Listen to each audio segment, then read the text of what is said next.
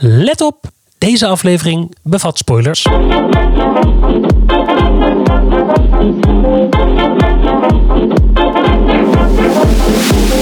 Ik vind hier iets van.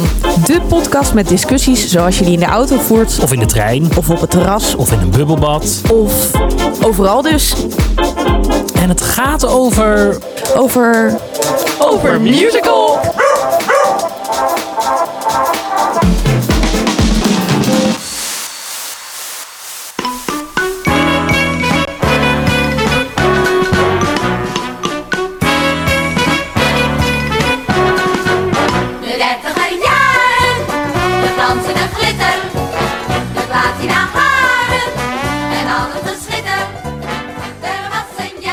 Hallo allemaal. er.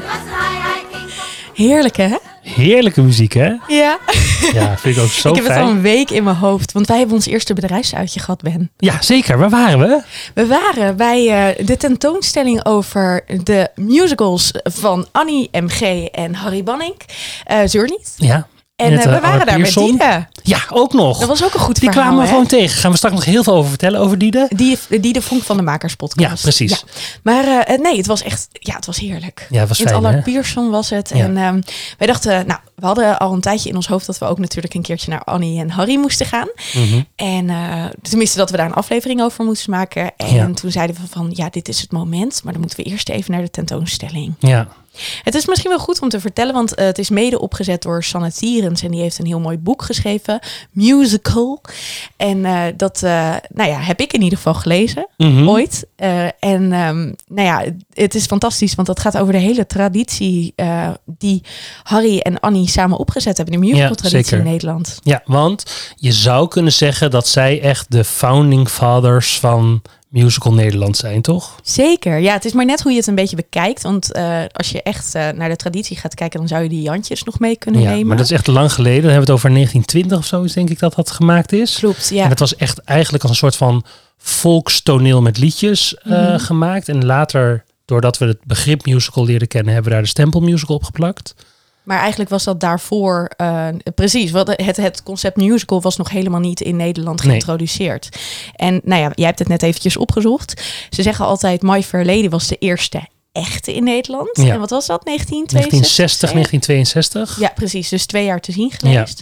Met Ja. Wim Sonneveld. Precies, ook geen onbelangrijk iemand in Nee. deze, in deze sector.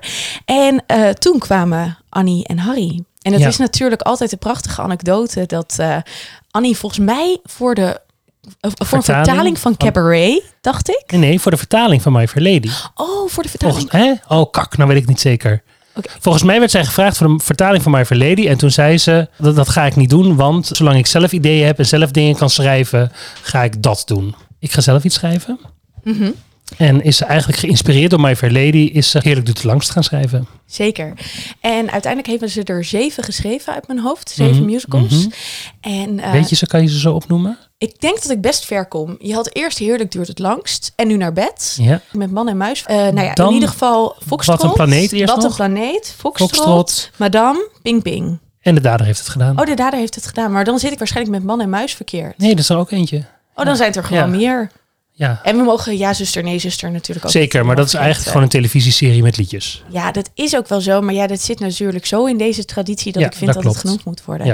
En het is wel interessant, hè? Want als je um, gaat lezen over de totstandkoming van de musical in Nederland, daar is ook echt een heel mooi boek van. Waar Mhm. onder andere Sanne Tieres weer geschreven Ja. heeft, maar ook Sandra Verstappen bijvoorbeeld. En wat zij zeggen is, wat je in Amerika heel erg hebt, is dat musical voortkomt uit musical comedy. Ehm, nou ja, en de music hall, wat we natuurlijk ook weten, toch meer de liedjesprogramma's. Ja. En dat met Annie MG en Harry Banning in Nederland het echt voortkomt uit meer het cabaret. Precies. Het is eh, wat politiek geëngageerder als uitgangspunt. Exact. Het grappige is, als je, eh, de, als je de stukken heel goed ontleedt, dan zie je eigenlijk ook precies waar vooral Annie staat op dat moment in de tijd en wat zij vindt van de ontwikkelingen die in Nederland gaande zijn. Mhm. Kan, je- kan je heel veel informatie uithalen over wat zij vindt van bekrompen Nederland of Dat ze- denkt, het gaat nergens eh, naartoe met het, de wereld. Het gaat slecht met het milieu. Al dat soort dingen voel je er eigenlijk heel goed doorheen altijd. En wat bij sommige musicals in de traditie natuurlijk letterlijk een niks aan de handje is. Mhm, ja, Hey, snap je hem? Snap heel je hem? goed. Ja, heel goed. Is dat natuurlijk bij Annie eh, en Harry helemaal niet het geval. Want inderdaad, die maatschappijkritiek zit er heel stevig in. Ja. En dat vind ik ook heel tof. Want ik heb de afgelopen twee weken dat wij hiermee bezig zijn geweest... eh, van alles weer geluisterd en gelezen en gekeken en gedaan. En ik zei vlak voordat we naar de tentoonstelling gingen tegen jou... het is nog zo relevant. de thema's die gekozen zijn. Maar het ligt een beetje aan welke voorstelling je kiest. Maar de thema's die gekozen zijn, zijn uiteindelijk zo groot en zo universeel. En zeker als we het over Foxtrot gaan hebben, dat gaan we zo even doen. Maar als je even overal kijkt in de breedte. eh, ja, dingen als klimaat speelt gewoon. Dat, dat speelt nu nog steeds. Eh, Ongelijkheid tussen ongelijkheid vrouwen en mannen. Precies, dat speelt eh, heel erg. Ook nog steeds LHBTQI Ja. A acceptatie Ja. is nog steeds aan de hand. Ja, maar sowieso eigenlijk alle feministische thema's die erin zitten. Dat, dus het- het verdrietige ervan is dat je ook zou kunnen zeggen... in de afgelopen 50 jaar is er gewoon niks veranderd. Maar echt, want als je het eindnummer, maar dan komen we al meteen weer een beetje in Foxtrot, maar als je het eindnummer De Laatste Dans luistert, dan denk ik, dit is echt hoe ik me letterlijk nog steeds heel vaak voel. Ja. En het is natuurlijk super pessimistisch, Ja. maar ja, dat zit natuurlijk ook wel een beetje in mij. Maar dit is 50 jaar geleden geschreven en nog steeds is het relevant. En, eh, eh, eh, maar nu ga ik weer eventjes heel erg op de barricade staan. Laten we dat hier niet doen. Nee. Foxtrot. Leuk, ja. Foxtrot. Eigenlijk zouden we ook kunnen zeggen cabaret. Ja, Want we hebben het al een keertje gezegd eh, in de cabaret-aflevering. Deze voorstellingen lijken heel erg op elkaar. En dat is niet helemaal toevallig. Want nou, uiteindelijk is, eh, heeft Annie Ca- Cabaret ook gezien. ja, In New York? Ja, En eh, aan de hand daarvan, daar, zij was helemaal weg van deze voorstelling. En dit is natuurlijk voor haar inspiratie geweest om Foxtrot te schrijven. Nou, sterker nog, zij heeft geprobeerd de rechten te krijgen voor Nederland en die kreeg ze niet.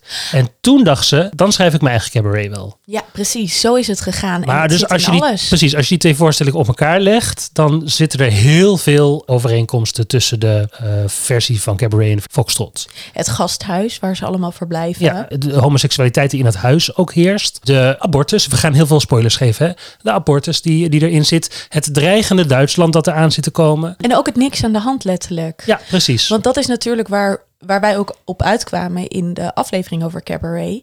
Dat het allemaal gaat over de show must go on. ja. Eh, en dat de ondertoon daarmee echt heel grimmig is. En bij Foxtrot wordt het veel meer uitgespeld. Tenminste, het wordt letterlijk vermeld. Ja. Maar het is wel weer wat er aan de hand is. Nou Namelijk, ja, het is natuurlijk, want het heeft ook met het tijdsbeeld te maken. Het is zo grappig. Ik zie nu opeens wat er achter jou hangt. hou op met me. Dit is dus gewoon een... Wacht even, sorry. Ik ben eventjes Je moet eerst even zeggen, we zitten op zolder. Dat doen we normaal gesproken nooit. We zitten op mijn zoldertje. En Ja. daar hangt een poster. En opeens kijk ik ernaar en denk ik... hey, Een poster van Foxtrot in de regie van Benno Hoogveld. Dit gaat op de gram. Wat heerlijk. 1996. Wat heerlijk. Ja. Nee, echt. Dit vind ik even heel leuk om te zien. Vertel. Ik ben ook helemaal mijn verhaal kwijt. Nou, Oh ja, nee, het was een tijdsbeeld. Dat is eigenlijk wat ik wilde zeggen. Ja. En daarom eigenlijk ieder verhaal wat je laat afspelen rond 1939 in Europa, zal dit niks aan de hand dansen op de vulkaan gevoel eronder hebben zitten. Want dat was zo'n beladen tijd. Daar kan je niet omheen. Ze kwamen uit de Roaring Twenties. Dus in een tijd waarin alles goed ging. Ja. Er heel veel ruimte voor feestpartijen. En toen kwam de beurskracht. Ja, en toen werd iedereen arm. Dat, daar is voor, een, voor een deel wordt daaruit opgekrabbeld. En dat opkrabbelen, daar iedereen voelt, daar zit een grens aan, een maximum aan. En we steken onze kop in het zand, want ja, we kunnen moeilijk thuis op de bank depressief zitten zijn. Ja.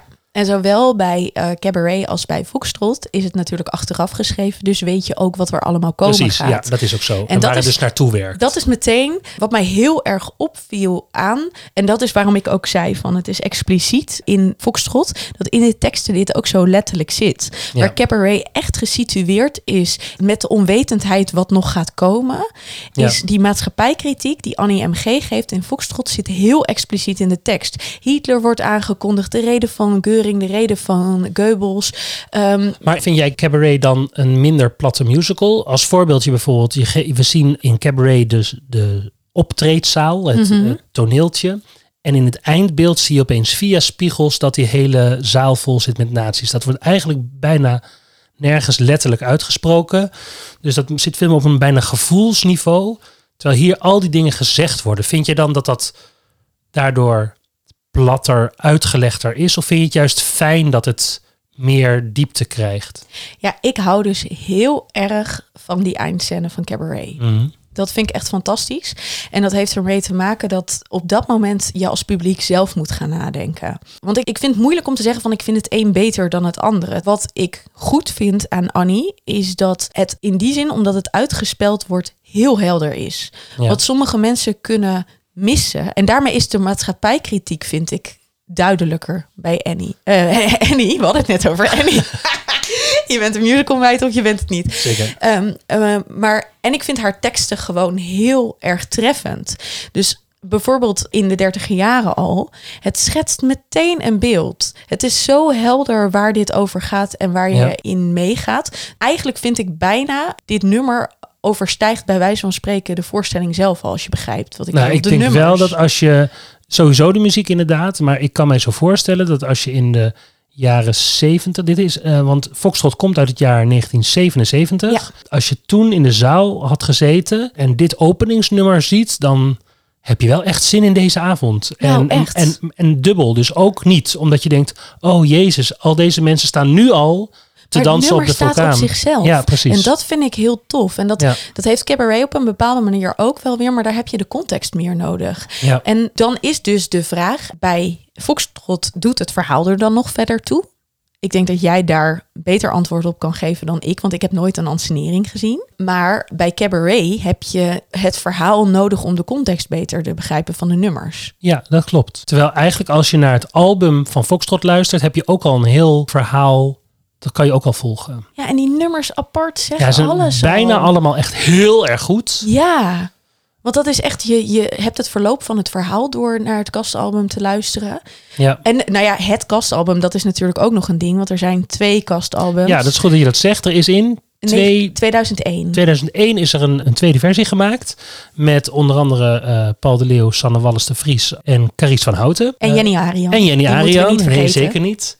Eh, nou vergeten we alsnog eh, heel veel mensen. Ja, maar, dat is waar. ehm, Er zat er echt, het is heel grappig, want zat Annemarie Jong, even van der Gucht, maar Ja, ook die bijvoorbeeld hele Wende klas. Ja, Snijders zat Ja. erin, Marlou Gorter. Het was Ja. echt wat, dat, wat je nu een sterrenkast zou noemen. zeker, ja. Geproduceerd door Paul de Leeuw trouwens. Ja, mede. Mede. Ja. Maar hij is ooit met, hij heeft de kans gekregen om toen te gaan maken. Precies. En Paul vond, voor zover ik het weet, het heel belangrijk om het nummer eh, Sorry dat ik besta te zingen. Dat gaat natuurlijk ook over zijn homoseksualiteit. En dat had hij ook al in zijn televisieshow, eh, De Schreeuw van de Leeuw, gezongen. En volgens mij is daar ook het hele idee een beetje uit voortgerold. Om maar dit is doen. mijn interpretatie. Ik weet niet of dat zeker zo is geweest. Nou, en wat jij wilde zeggen, denk ik, is dat er van alles en nog wat geschoven is. Teksten zijn veranderd, eh, nummers zijn op andere plekken gezet. Ja. En daarmee eh, was het idee om het weer actueler te maken. Ja. En dat is ook het gesprek wat wij al meerdere keren deze week gevoerd hebben. Van als je het nu zou opvoeren, waar zou je dan voor kiezen? Zou je teruggaan naar de oude versie en het als een soort van erfgoed ten Nee, dat kan niet. Dat kan niet. Dat kan niet. Nee, precies. Maar zou je dan nog nieuwe teksten schrijven? Zou je eh, de Nou, ik zou 2001, want die heb jij gezien natuurlijk, Ben. Ja, hoewel die niet super veel indruk op me gemaakt heeft toen. Maar dat komt gewoon, ik kende dus de, wat ik de Willem Nijholt versie noem, relatief goed. Daar heb ik ooit op die poster die achter je hangt, dat is mijn afstudeerproject geweest op school. Dus dat hebben we toen vier keer gespeeld. Uitverkochte zalen. Uitverkochte zalen konden denk ik ook eh 30 mensen zitten. Net zal iets meer zijn, maar zoiets eh, kon er zitten. Die zit gewoon lekker in mijn DNA, zoals we dat dan zeggen. Daar kan ik echt op leunen. Maar ik geloof ook nog steeds dat die teksten heel erg nog nu steeds gelden. Ik zou veel eerder zeggen, je moet het muzikaal iets, iets meer van nu arrangeren. Mhm. Nieuwe Eh, arrangementen. Ja, dat, ik geloof wel dat ik dat op sommige nummers eh, wel van toepassing vind. Er zijn ook een aantal nummers waarvan ik echt het een beetje zijig vind. Maar, de, maar weer eh, de 30 jaren en... Nee, nee, die moet je gewoon houden wat nee, het is. En precies, Ja. en de laatste dans. Nee, en ook je- sorry dat ik besta, Zeker, dat niet. ja, nee, dat klopt. Dus het klopt. Het zijn, het zijn vooral de nummers van Josien, denk ik. Ja. Dus Carice van Hout en Trudy Labij. Ja, ja, precies. Ja, dat denk ik ook. Oh, ik zou het zo graag willen zien. Een van de redenen dat ik, er, dat ik ervoor gekozen had om deze musical te doen als afstudeerproject, was ook omdat dit de tijdloosste musical was. Alle andere musicals van Annie M.G. passen heel erg... Heerlijk duurt het langst valt ook wel mee. Maar daarom wordt Heerlijk duurt het langst en Foxtrot kunnen nu nog steeds gespeeld worden. En wat een planeet niet? Het gaat Ik ken het echt heel maar- erg over de weliswaar milieuproblematiek ook, Mhm. maar het is wel echt heel erg een gedateerd stuk in die zin dat daar, daar ik denk wel dat je daar heel veel redactie op moet gaan voeren om dat van nu te krijgen. Foxtrot kon echt heel erg gaan over gewoon die 30 jaren en dan kan je dan met een bril van nu, maar ook met een bril van over 20 jaar naar kijken. Het is echt een periode musical. Wat dat, dat betreft Cabaret ook heeft. Je, Ja. je wordt meegenomen naar die tijd. Ja, het zou heel gek zijn om dat in een andere tijd zich te laten afspelen. Precies, en dat, dat is misschien een beetje wat ik bedoel met cultureel erfgoed. Ik denk Ja. wel, er zit bijvoorbeeld ook een verwijzing naar Lou de Jong, de historicus bijvoorbeeld in deze voorstelling. Nou, ik denk dat mijn generatie niet, Niet meer weet, weet, wie nee. die man is. Nee. Ehm, dus dat soort dingen, maar die kunnen relatief makkelijk aangepast Ja, worden. Dat is wat Ja, jij, ja. wat jij inderdaad zegt.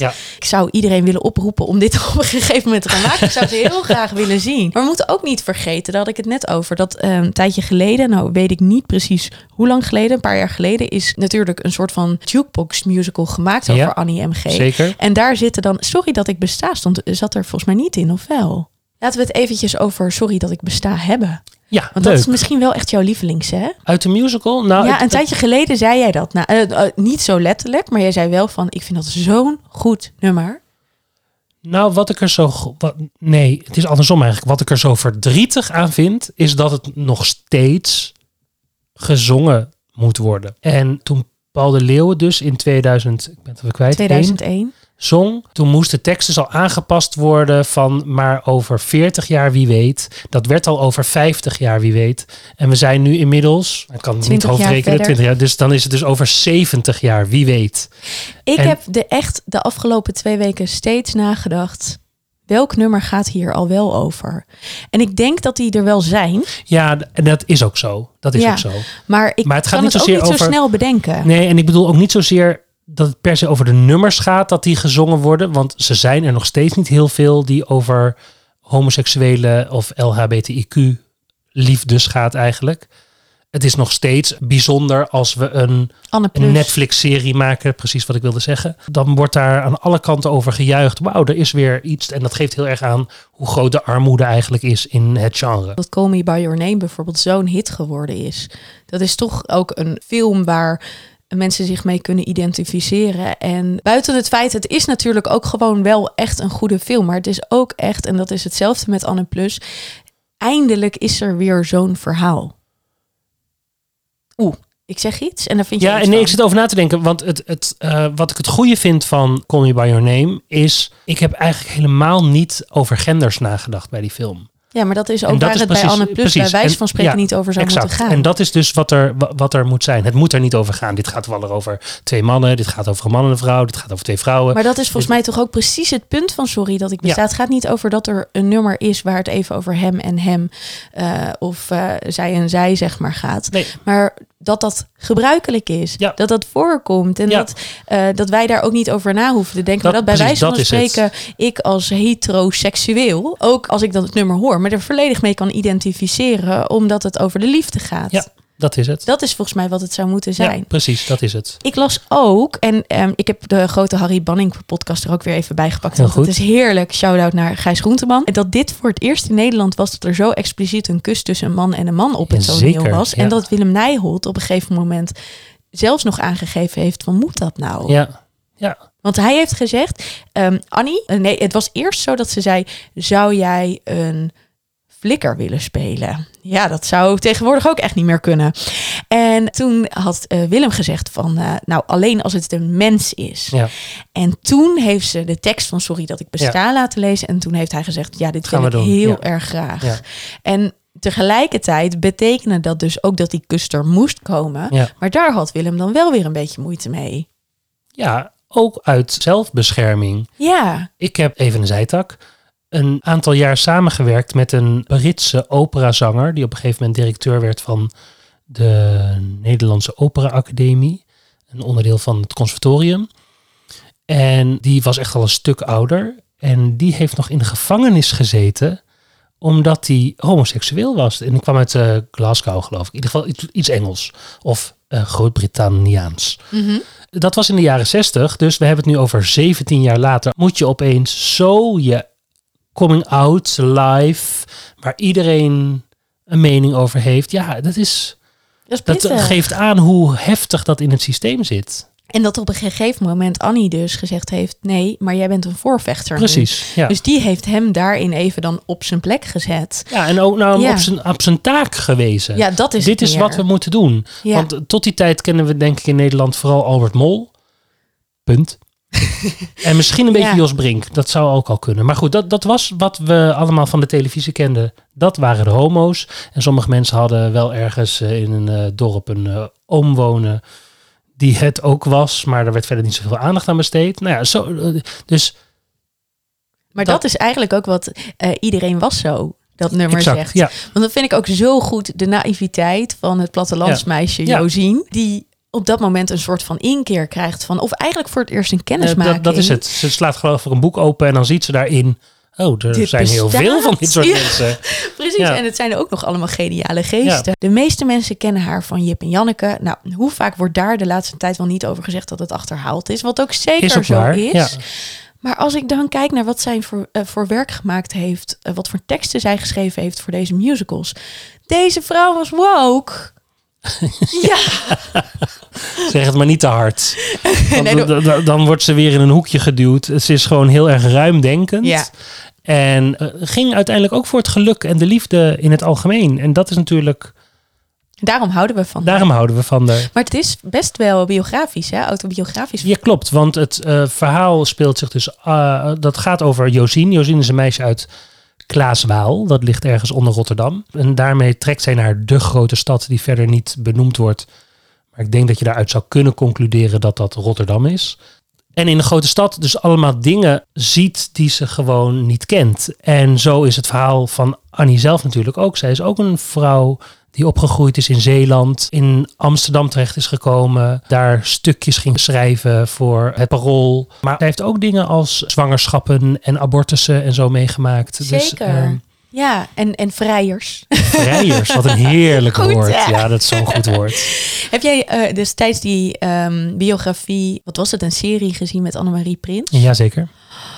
Ik heb zo zin om die weer te gaan kijken. Ja, moet je ook doen. Ja, het was zo goed. Ja. En dat was ook wel een beetje zo'n moment waar Annie voor mij, eh, mijn als jeugdheldin, een andere dimensie kreeg en dat ik haar nog vetter ging vinden. Wij zeiden het net nog, wij zagen een foto staan van de cast van Foxtrot met z'n allen op een rij. En daarnaast stond ook een omaatje. Ze is een anti-held. Ja, ja, dat is ze echt. Want eh, als je haar ziet met haar permanent zoals mijn oma dat had, met een bril zoals mijn oma dat Zo'n had. blouse, zo'n veel te grote blouse. Ja, met een vest eroverheen. Eh, dat botst bijna met hoe wij nu over dat soort revolutionairen denken. Zij was zo niet woke daarin. Nee, maar dat was in die tijd helemaal niet belangrijk. Het ging er daar veel meer over dat je, dat je gewoon ergens voor stond. En zij had een middel gevonden, namelijk de pen, om gewoon haar ongenoegen over dat soort dingen te uiten. Maar dat vind ik zo grappig, want zij is, wat dat betreft was zij ook geen intellectueel of zo. Zij was wel vooruitstrevend. Ja, En zij wist dat gewoon zo goed te benoemen. ja en ook op een manier, precies, en op een manier die voor een grote doelgroep eh, haalbaar waren. Dus zij hoefde geen grootse pamflet te schrijven. Zij ging over het schaap Veronica schrijven. En daarin kon ze dan een beetje kritiek schrijven. Of, nou, oh, zoals het in Jip en Janneke ook zat, hoe je stout kan zijn tegen je ouders. Voor we verder gaan. Zeg Ben, ken jij de makerspodcast van Diede Vonk? Ja, dat is een hele leuke podcast. Daarin praten makers met Diede over wat maken is van eh, theater of van beeldhouw of van kunst. Nou, allerlei kunstvormen eigenlijk. En daarin eh, zoeken ze samen naar oplossingen en hoe ze elkaar kunnen inspireren om nog beter als maker te worden. En Diede deelt ook haar eigen bevindingen, want zij is natuurlijk ook een maker. De maker van de Makerspodcast. Ja, ga luisteren. Het is echt een hele leuke podcast. Zeker, de Makerspodcast. En kijk ook even op Voor we verder gaan.nl. Ik vind de dertiger jaren zo goed. Zo aanstekelijk. Kan ik elke dag wel naar luisteren. Maar uiteindelijk is de laatste dans denk ik dan toch mijn lievelings. Maar het is zo cliché om dit te zeggen. Snap je dat? Omdat het toch ook de bekendste zijn. En ik zit dan heel erg te denken... Maar het- ik vind ze gewoon zo goed allebei. Weet je wat ik ook echt een heel goed nummer vind? Nou, Dat is niks aan de hand. oh. Nou, omdat dat zo'n tralalalalalalala muziekje is. Ja, het is allemaal heel licht. En ondertussen voel je daar bijna de legerlaarzen binnenkomen lopen. En iedereen doet maar, ik ga lekker slapen, rustig aan. Zullen we een stukje luisteren? Ja. En dan wil ik er iets over zeggen.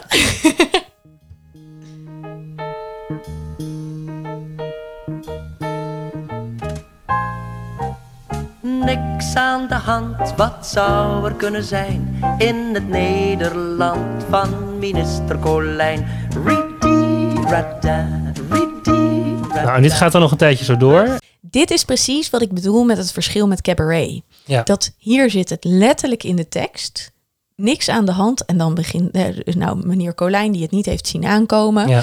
En in cabaret zouden ze dat nooit zo expliciet zeggen. Nee, dat is wel een goeie, want in cabaret zit eigenlijk alleen maar een soort van hysterie in de muziekjes. Het is allemaal, woe, lekker gek doen, lekker gek doen. Nog meer ons verstoppen, nog meer. Dus daar zit een... De boodschap zit eronder Ja. en hier zit de boodschap Ja. erin. Ja, dat is klopt. het grote verschil. Een tijdje geleden hadden wij een gesprek dat uiteindelijk voorstellingen soms heel erg op andere voorstellingen lijken. In Mhm. verhaal, in muziek. Nou ja, dat is natuurlijk wat we met deze podcast ook doen. Toch steeds parallellen trekken. En het is heel moeilijk om echt volledig altijd origineel te zijn. zeker. Maar ik vind dan dus wel dat Annie, terwijl het zo duidelijk cabaret is, Mhm. Echt wel een hele eigen ja, handtekening eronder gezet Nou, ik denk wat zij gedaan heeft, is uiteindelijk gewoon een lijstje gemaakt. Ze heeft uit cabaret gehaald. Er moeten optredens in van een optredenduo. Er moet eh, Het gasthuis. een gasthuis. Er moet eh, eh, Abortus. abortus. Er moet homoseksualiteit. eh, er moet oorlog. En daarna heeft ze heel cabaret verder overboord gegooid. En is gewoon gaan schrijven. En heeft eigen dingen gebruikt, maar allemaal daarmee Hollandse uitgangspunten. Dus ja, het lijkt één op één op elkaar. Maar toch helemaal niet. Want Ze alle toch ook altijd beter goed gejat dan? eh, slecht zelf verzonnen. Ja, het zoiets. zijn. Nou ja, en dat is dit wel. Zij heeft gewoon voor zichzelf heel duidelijk bepaald wat vond ik goed aan cabaret. en ga is daaruit verder, verder gaan Ja. ontwikkelen. En dat, dat werkt. Ja. En daarmee weet ik meteen weer het punt wat ik ooit wilde maken in deze podcast. En waarvan ik dacht, oh ja, wanneer ga ik het maken? Het Nu? werd ook gewoon heel goed bezocht. Ja. 400 voorstellingen. Ja. Dat is echt, dat- zeker in die tijd waarin Nederland natuurlijk nog een stuk dunner bevolkt was. Ja. En eh, mensen naar Amsterdam moesten komen naar Carré om Hij reist, te ook kijken. door het, eh, hij reist ook door het land. hè? Oh ja, hij heeft wel ge... Ja. eh, Ja, precies. Maar toch. maar ik geloof dan drie maanden wel. carré en dan daarna...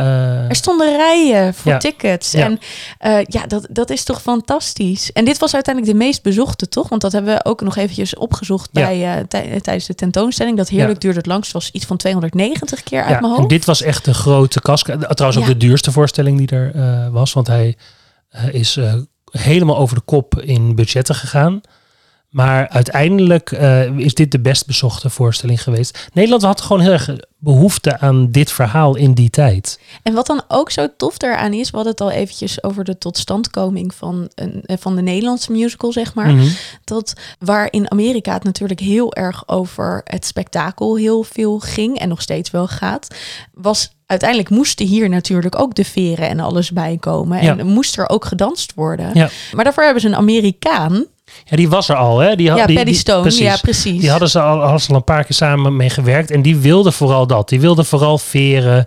En eh, nou, echt grote Broadway musical. Hij had zelf, heeft zelf ook geregisseerd op eh, Broadway. En hij heeft deze uiteindelijk ook, Voegschot ook Ja, geregisseerd. zeker. En zijn idee was ook, geef ze dans en veren. Volgens mij is dat bijna een letterlijke quote van, van hem. Wij hebben echt in ons broek geplast door die quote van Willem Nijholt. Dat Willem moest leren tappen. Ja.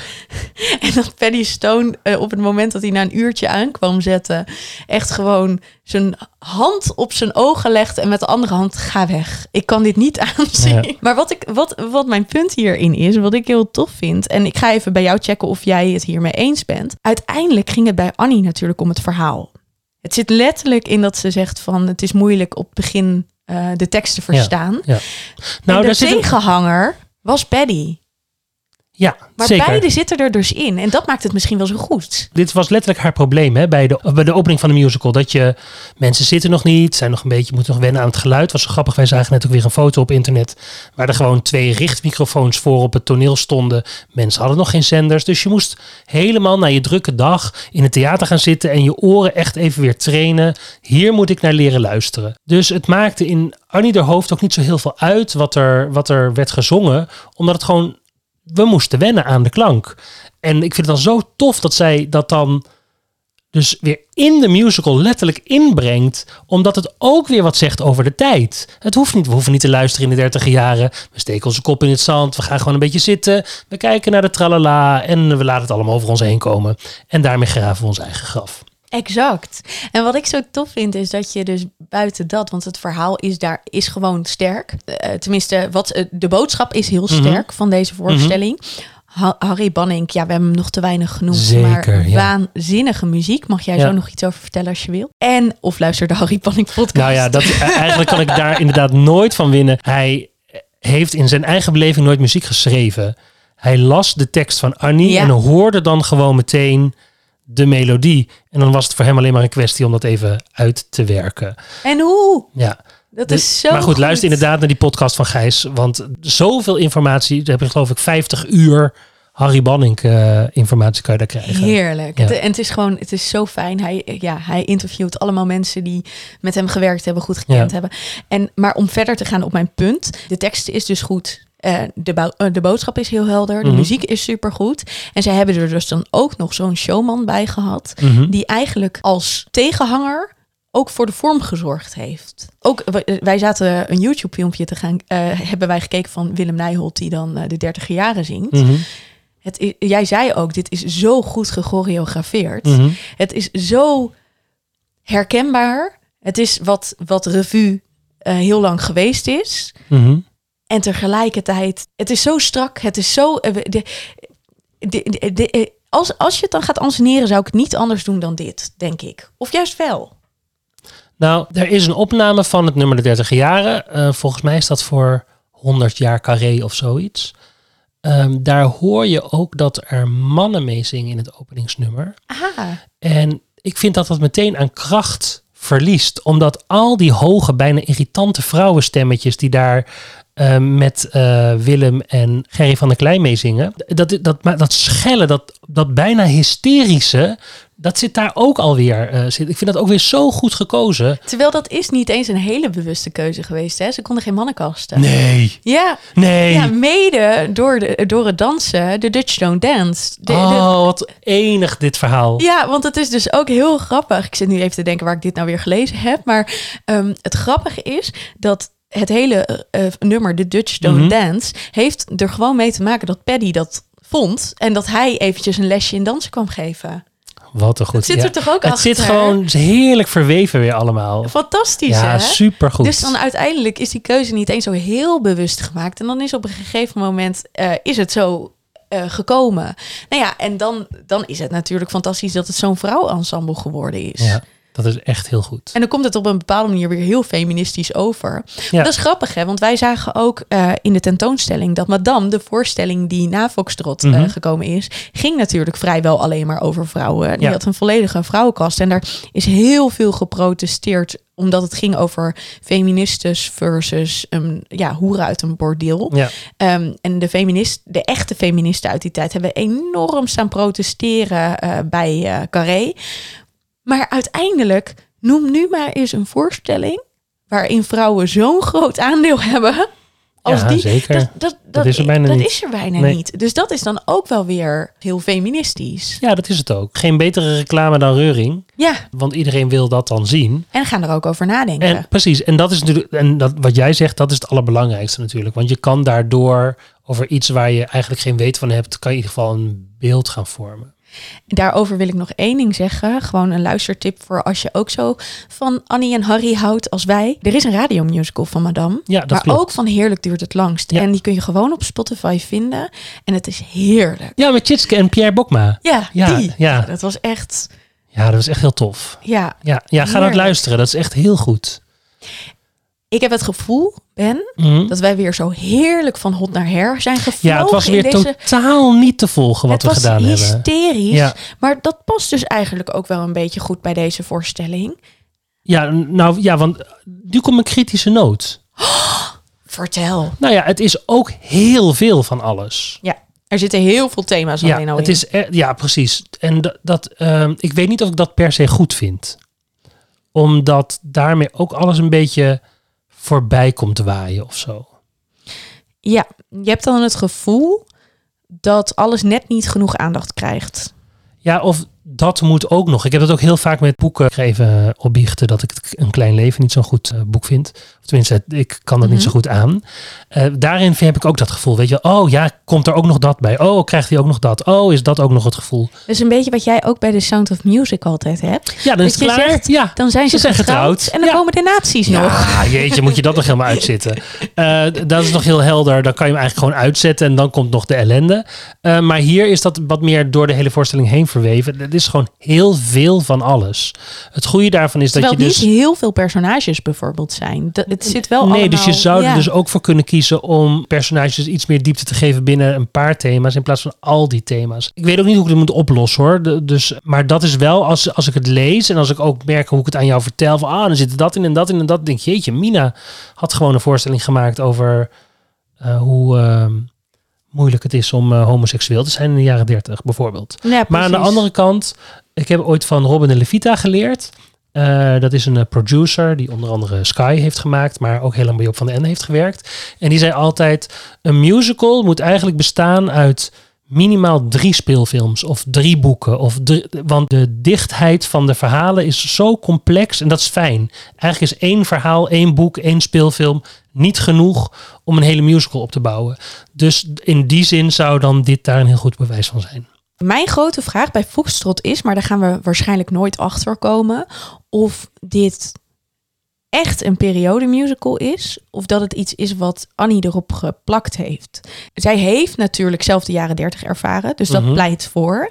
Tegelijkertijd, bijvoorbeeld de abortuskliniek, was die er al in de jaren dertig? Jazeker. Nou, nee. Nee, want dat Eh, was met, eh, met, gewoon met een breien, breinaald, bij, ja. met breinaalden, snap je? Maar Ja. dat, kijk, voor haar is om dit te schrijven, is een protest over een abortuskliniek eh, aanleiding geweest om hierover te gaan schrijven. Maar Ja. dat is heel erg jaren 60, 70. Ja. Dus ik denk wel eens van, is haar jaren 60, 70 blik niet te erg geplakt op de jaren 30? Tegelijkertijd, de vraag is ook weer, hoe erg is dat? Waarom het erg is, is omdat het niet een accuraat beeld is van de werkelijkheid. En daar hebben we natuurlijk al heel, daar hebben we het ook met Miss Saigon eh, over gehad. Wat natuurlijk een heel mooi bruggetje is. Want daar hebben wij het eh, vorige keer eh, in onze podcast over Miss Saigon over gehad. Ja, wij gaan straks, wat we, we hebben aangekondigd dat we reactieafleveringen, want jullie reageren zoveel, dat vinden we zo fijn, maar daar willen wij dan ook wel op Jij reageren. vindt hier iets van. Precies. En in die jij vindt hier iets van afleveringen, die je kan terughoren op petje.af. Slash musical. Ik vind hier iets van. Daarin bespreken we nog even de dingen die jullie gezegd hebben over de aflevering die we hiervoor hebben gemaakt. En wij hebben echt een hele speciale aflevering. Ja, want eh, we gaan even bellen met Sistine Carillon. Daar heb ik ooit mee Miss Saigon gespeeld. Miss Saigon gespeeld. En Understudy Kim, toch? z- zij heeft alles. Gigi. Alles was zij. Zij heeft echt alle vrouwenrollen gespeeld. Want zoals Swing Ook Ellen? en Ellen heeft ze ook gespeeld. Ja, echt? ja. Wauw. En eh, we gaan met haar even praten over een aantal dingen die we uit jullie reacties hebben gehaald. Dus eh, dat vind ik echt super tof dat we dat gaan doen. Dus daar kan je ons ook horen op petje.af.nl slash musical. Ik vind hier iets van. En daar kun je ook, als je zou willen, een staande ovatie geven. Want deze aflevering is gratis. Die bieden we jou aan. Zeker. Maar we maken ook altijd een bonusaflevering waarin we een personage of een thema of eh, iets extra's bespreken ten aanzien van de voorstelling die wij eh, bespreken in de reguliere aflevering. Dat is helemaal waar. Er is zoveel leuks om te horen. En eh, we vinden het zo leuk dat we zoveel ermee bezig kunnen zijn. En uiteindelijk heb jij er ook iets aan. Want door ons te steunen via Petje Af, gaan wij, net zoals we eigenlijk nu naar de tentoonstelling zijn geweest Ja. en inspiratie gaan opdoen, eh, gaan wij naar of West End of Broadway en gaan wij een heleboel inspiratie Oh, zo'n zin in. Heerlijk hè? Ja, echt superleuk. We plannen september. En dan eh, nemen we de microfoon mee. En eh, dan gaan wij gewoon echt na de voorstelling in de hotelkamer. Gaan we los. Echt heel leuk. Of de volgende dag. Ja, het ligt er een beetje aan hoe laat het wordt. Ja, precies. Ja, leuk. Helemaal leuk. Fijn. Nou, dat was hem, hè, Ben. Dat was hem. Eh, we willen jullie wel bedanken voor het luisteren. En jullie kunnen ons volgen op The Gram. En eh dankjewel weer. Tot de volgende. Wil je de foxtrot zo even met me dansen? Dat lijkt me echt heel Kan grappig. ik eigenlijk helemaal niet, maar Is toch 1, 2, twee. dat is een wals. Hiermee kom je ook verder. Dan, ik.